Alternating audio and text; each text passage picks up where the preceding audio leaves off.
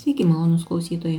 Aš Monika Kuzminskaitė, sveikatos ir mytybos psichologė ir čia šaukšto proto tinklalaidė. Kodėl mes miegame? Tai vadinasi Matthew Walker knyga, gražių geltonų viršelių su balto veidu miego kaukė. Man regis nesvarbu, kur ieškosit ko nors giliau apie miegą, vis tiek rasit garsų iš šios knygos autorių. Matthew Walkeris vadovauja Berklio universiteto miego centrui ir man regis yra vaikštanti miego enciklopedija. Žinoti, kodėl mes miegame, ką mums miego reikia, na, nes pavargome yra visiškai paviršutinis atsakymas, nors ir teisingas. Ko netenkame atsisakydami miego ir kodėl tai yra neįtikėtinai blogai. Labai, labai norisi palinkėti remtis dabar prieinamomis žiniomis apie miegą labai daugeliu nudienos karjeros, efektyvaus darbo ir aukštų ambicijų karžygiams. Ir ne tam, kad būtų sugėdinti, o tam, kad pasinaudotų miegu kaip savo supergalę. Tam apie miegą žinoma reikia žinoti gerokai daugiau. Jeigu jau nesimsit, tai bent prisiminkit, kad nėra geresnio ir produktyvesnio polisio būdo negu miegas apie jį žinoti gerokai daugiau tikrai verta kiekvienam. Todėl labai rekomenduoju perskaityti, kodėl mes miegame Matthew Walker. Lietna ir laiminga ir kitos magiškos mintis. Taip vadinasi mano gan ilgas rašinys, kurio pasidalinsiu šiandien. Labai noriu sulieknėti, nes tada galėsiu kažkas kažkas.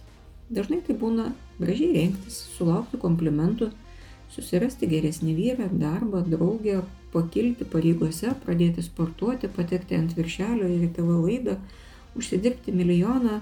Na, va tada jausimės pasitikinti savimi, laimingi, išpildyti ir užpildyti. Realiai kas tik nori. Būsimas paveikslas būna toks spalvotas, toks gražus, taip tiesiai rankutės į mus, kad net nesustojam pagalvoti apie tai, kiek realūs jūsų lūkesčiai. Jausitės geriau, nes geriau atrodysi, tai, na, statistika sako, kad ne. Čia yra dvi magiškos ir visiškai klaidingos mintis. Pirma, kad kai sulieknėsiu viskas magiškai pasitaisys. Ir antra, kad kai sulieknėsiu galėsiu vėl daryti taip, taip pat kaip atėjau iki dabartinės būsenos, bet viskas bus kitaip ir aš niekada nebesustorėsiu. Žmonės dažnai pervertina geros savo išvaizdos poveikį aplinkiniam ir taip, sakykime, stipriai. Na, tarkim, pamatėt kokį nors gražuolį ar gražuolę gatvėje. Praėjo kiek? Sekundė, dvi, trys. Ir jau pasiūlėt jam ar jai visus savo pinigus, puikią karjerą ir širdį? Ai, taip nebūna. Bet negražių niekas net neužkalbina. Ar užkalbina kiti tik negražus? Tai gaunas, kad gražus gyvena su gražiais, sėdi visą dieną vienas kitų grožisi, dumelis rūksta, nieko daugiau jam netrūksta, taip, nes grožis išsprendžia visas problemas o negražūs gyvena su negražiais ir jiems tenka galvoti apie tai, kaip turiningai užpildyti laiką kultūromis, mokslais, bendravimais ir vaikais. Aišku, kad tirštinu spalvas. Bet kiek daug iš tiesų realistiškai manote grožis atidaro durų, jei už to grožio nestovi spalvinga, vertinga ir protinga asmenybė? Kiek ilgai galite joti vien tik ant grožio arklio? Žmonės dažnai savo kelia nerealistinius tikslus, pavyzdžiui, kad jie nustos ginčyti su savimi, save barti ir kritikuoti. Dažniau būna net atvirkščiai, dėdami visas turimas ir pasiskolintas pastangas į tai, kad atrodytų taip, kaip nori, žmonės patiria daug įtampos, nerimo, nuovargio, bekeldami savo reikalavimus tampa smulkmeniškai savo pačių stebėtojais ir kritikais. Nėra kada girti save, nes dar ne tas kažkas. O vat tada, kai jau bus kažkas, tada ir girti nebereikės, nes tada veiks to kažko magija ir viskas savaime bus gerai. Tik štai įprotis spausti save į kampą, kritikuoti ir net bausti, jis niekur nedingsta. Priežastis save graužti išradingai dyksta netikėčiausiose vietose, nes taip jau įpratote elgtis. O įprotis, kaip senas mielas batas, patogus ir jaukus ir sunkiai atsiklyjoja. Ypač jei jie nekreipia dėmesio. Žmonės labai besistengdami atsisveikinti su x kg, nesvarbu kiek tai būtų, taip ir neišmoksta svorio palaikymo reikalingų įgūdžių ir čia ir yra didžiausia problema. Didžiulės pastangos yra pateisinamos tuo, kad laikinai susijimsi tik trumpam, taigi galiu, o po to jau visą laiką viskas bus gerai. Bet jų gamtos neapgausi, jeigu darysit kaip visada, tai ir bus kaip visada. Jeigu laikinai kažką pakeisit, tai pokyčiai jūsų kūne irgi bus laikini. Dieta nėra magija, ji nepakeičia jūsų organizmo, kuris sąžiningai ir sistemingai reaguoja viską, ką darot ir ką valgot. Ar tikit, kad jums taip nebus, nes jūs turit magiškų galių, septynios dienos kopūstų sriubos burtų ir amžinai būsit liekni ir laimingi? Ar per tas septynias dienas apsvarstėt, koks maistas yra vertingas, o koks prilyksta narkotikams, nes valgot jį tik tam, kad pajustumėt malonumą. O gal stiprinot įgūdį kartoti, aš savęs neriboju, valgyti reikia viską, kas skanu, kuris be abejo padės jums niekada nebegrįžti ten, kur jau buvot ir iš kur bėgat. O gal iš tiesų slapčia planavot, kad šis nuodėmė išpirkimas sriuboje toliau suteiks jums leidimą valgyti dvigubai daugiau bandelių ir nebesikankinti? Tai aišku, kad ironizuoju. Ir tyčia, ir ciniškai nes stipriai magijai reikia stiprių priešnuodžių. Žmonės gerokai per daug dėmesio skiria tam, kad gerai atrodytų ir gerokai per mažai tam, kad gerai jaustųsi. Pamenat, pirminė maginė formulė buvo tokia - gerai jausiuos, nes gerai atrodysiu. Tačiau kokių geros savijautos, ugdymo ir vystimo žingsnių ėmėtės? Rašėt pozityvų dienoraštį? Mokėtės visame kame išvelgti ir blogas ir geras pusės? Mokėtės tolerancijos ir atjautos, mokėtės atsipalaiduoti ir ilsėtis, mokėtės išsirinkti, kas svarbu, o kas ne. O gal viskas, ką darėte, buvo panašiau į karo veiksmų planą, kur viskas, absoliučiai viskas yra nukreipta į vieną tikslą - minus x kilogramų. Nes tas minusas ir tik jis vienas atstos ir su kaupu viršys visą kitą, kas galėjo jūs užauginti kaip žmogų ir nušviesti jūsų sielą.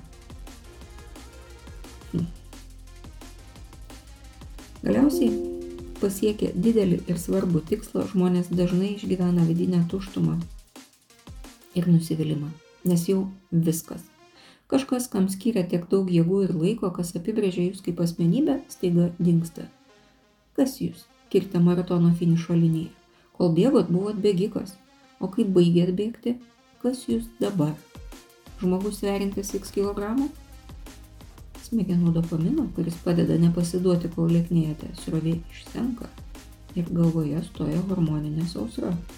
Taip tai reiškia, kad pasiekus tikslą nuliūsti yra fiziologiškai normalu.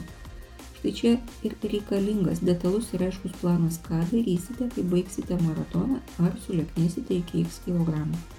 Nes tada magijos nebus. Tada prasidės kitas gražus etapas. Ar skiriat laiko jo suplanavimui ir pasiruošimui jam? Ar turit tušių pakabų ir pinigų savo norimiems rūbams? Ar žinot, kokio darbo norėsit ir esat pasirengę jį dirbti, kai tik jūsų už grožį pastebės? Ne, grožis turėjo ir to pasirūpinti. Kita vertus, žinodami apie tokią duobę, kuri ištinka ką tik pasiekus tikslą, galite jūs ramiai laukti ir tiesiog stebėti ją. Bloga savijauta nereiškia, kad ką tik neatlikot kažko reikšmingo ir nuostabaus.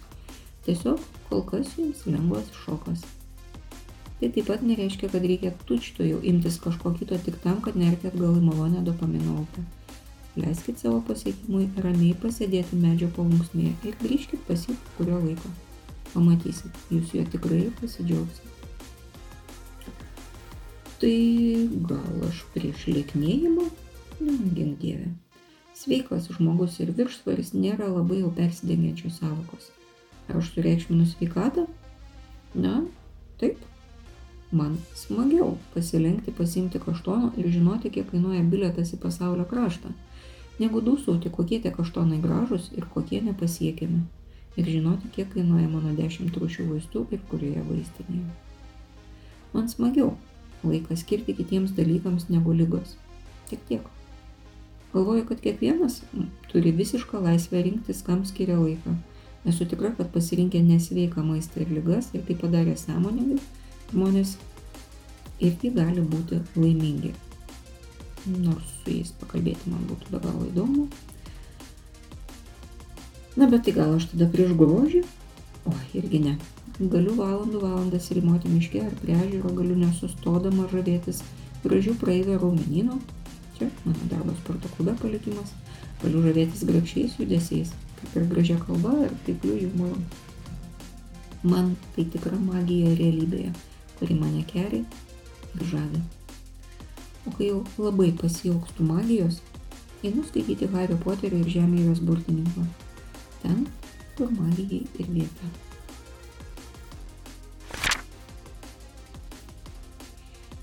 Ne, kažkas su tuo aštrumu vis tik yra.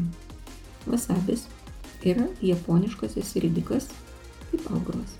Arba gražios žalios spalvos pasta, kurią gaunate prie sušių. Žmonės, kurie skundėsi kasdienio išvargimu, angliškai naudojamas terminas fatigue, būtent toks konstruktas buvo tirtas. E, taigi šie žmonės vartojo iš vasabio gautų miltelių. Po keturių savaičių pagerėjo jų nuotaika, miegas ir prieš užduotis juntamas nuovargis. Kad nesuskupti kalbėti apie stebuklus, reikia paminėti, kad nuovargis po užduoties, autonominės nervų sistemos veiklos rodikliai, stresas ir imuninės sistemos aktyvumas liko nepakeitę. Taigi tai nebuvo visiškai um, stebuklingai veikianti priemonė, tačiau ji vis tiek veikia. Na, bet sakyčiau, miega ir nuotaika tai tikrai jamam.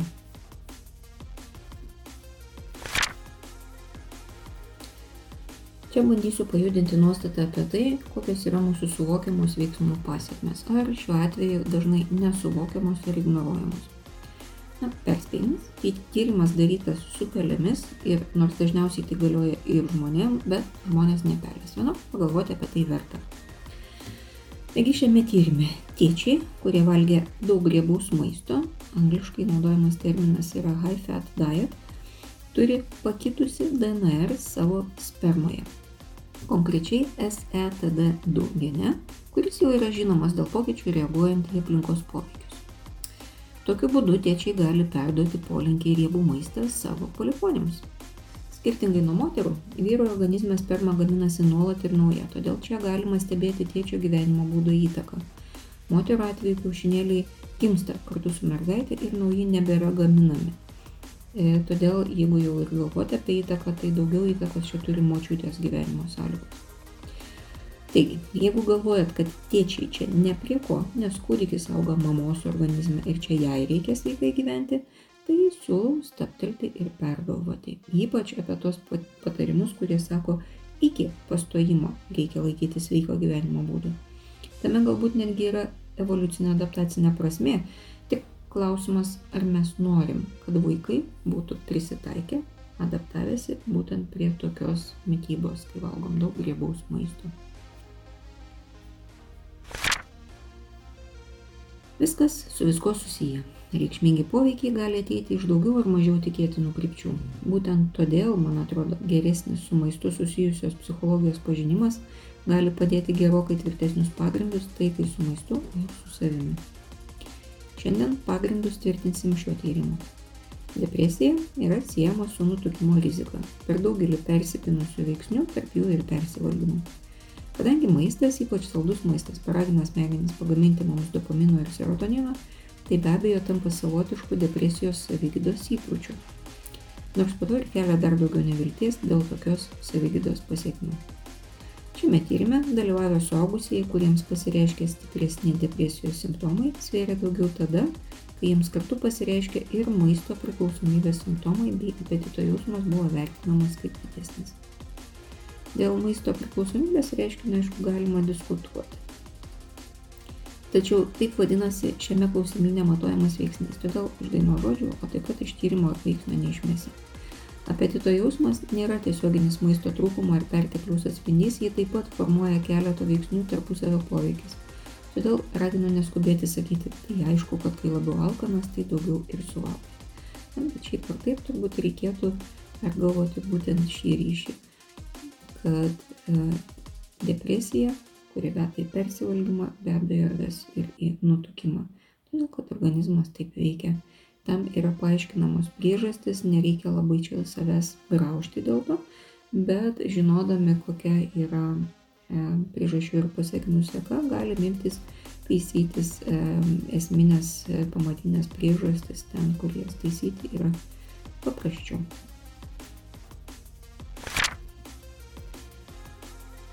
Šį tekstą rašiau rugsėjo 1 todėl jis skamba būtent taip. Šiandienos proga lyg ir prašosi teminio eksperimento, todėl siūlau štai tokį pusiau mintinį, pusiau elgesio skirtą klaidų reabilitacijai. Mokslinio tyrimo rezultatai sako, kad nesėkmė yra būtina sąlyga geram mokymuisi. Nepavykus pasiekti norimo tikslo, smegenyse tampa aktyvūs smegenų centrai, kurie labai sustiprina išmokimą. Dalykai, kuriuos kartojame be tokio smegenų aktyvumo, gali būti išmokstami, bet gana lengvai nebekartojant jų ir yra užmirštami. Todėl ypač svarbu kiekvieną netikslumą, klaidą ar nesėkmę vertinti visų pirma kaip plačiai atvertas įsiminimo ir išmokimo duris. Taip, nusivylimas yra nemalonus jausmas, bet jį reikėtų vertinti kaip ženklą, kad tai, kas bus po to, bus labai gerai išmokta. Taip, taip pat svarbu įsitikinti, jog nesėkmė baigsis nenusivylimu ir atsitraukimu, kad neišmoktume būtent to, o teisingo atsakymo ar teisingo rezultato pasiekimu. Turbūt visi pamenat, kad jei po testo ar kontrolinio darbo gaunate peržiūrėti savo neteisingus atsakymus, pataisytus į teisingus, tai būtent juos prisimenate puikiai. Taip pat turbūt pamenate, kaip visi sako, jog antras, o ne pirmas labiausiai stengiasi ir galiausiai jis ir būna labiau patyręs. Taip šis reiškinys ir veikia. Taigi, mintinė eksperimento dalis. Įvardinkite savo nesėkmę ar klaidą kaip galimybę. Tarkim, o, čia dar nemoku, bet tuoj labai gerai išmoksiu. Frazė turi būti jums nesvetima, nekartoninė, nebūtinai tikrai, gal net visai nenaudokite tos, kurią daviau kaip pavyzdį. Ją reikėtų kartoti, įsiminti ir sakyti įsivaizduojamo nesėkmių mintinėse treniruotėse. Taip pat reikėtų suplanuoti, kaip rasite teisingą atsakymą, kad nepraleistumėte šio beveik tobulo įsiminimo progos veltui. E, kur skaitysit, ko ieškosit, ko paklausit, kaip išbandysit kitus būdus. O praktinė šio eksperimento dalis yra nesėkmiai pasitaikius ir prisiminus sukonstruotą reakciją ją ir atlikti. Mes visi tam turime mechanizmą, kuris yra reikalingas iš prigimties, todėl nepamirškim jo pasinaudoti. Šis eksperimentas, o taip pat bet kurie kiti, yra viena iš dažnai naudojamų technikų kognityvinė elgesio terapija. Eksperimentas yra skirtas patikrinti įsitikinimo teisingumui.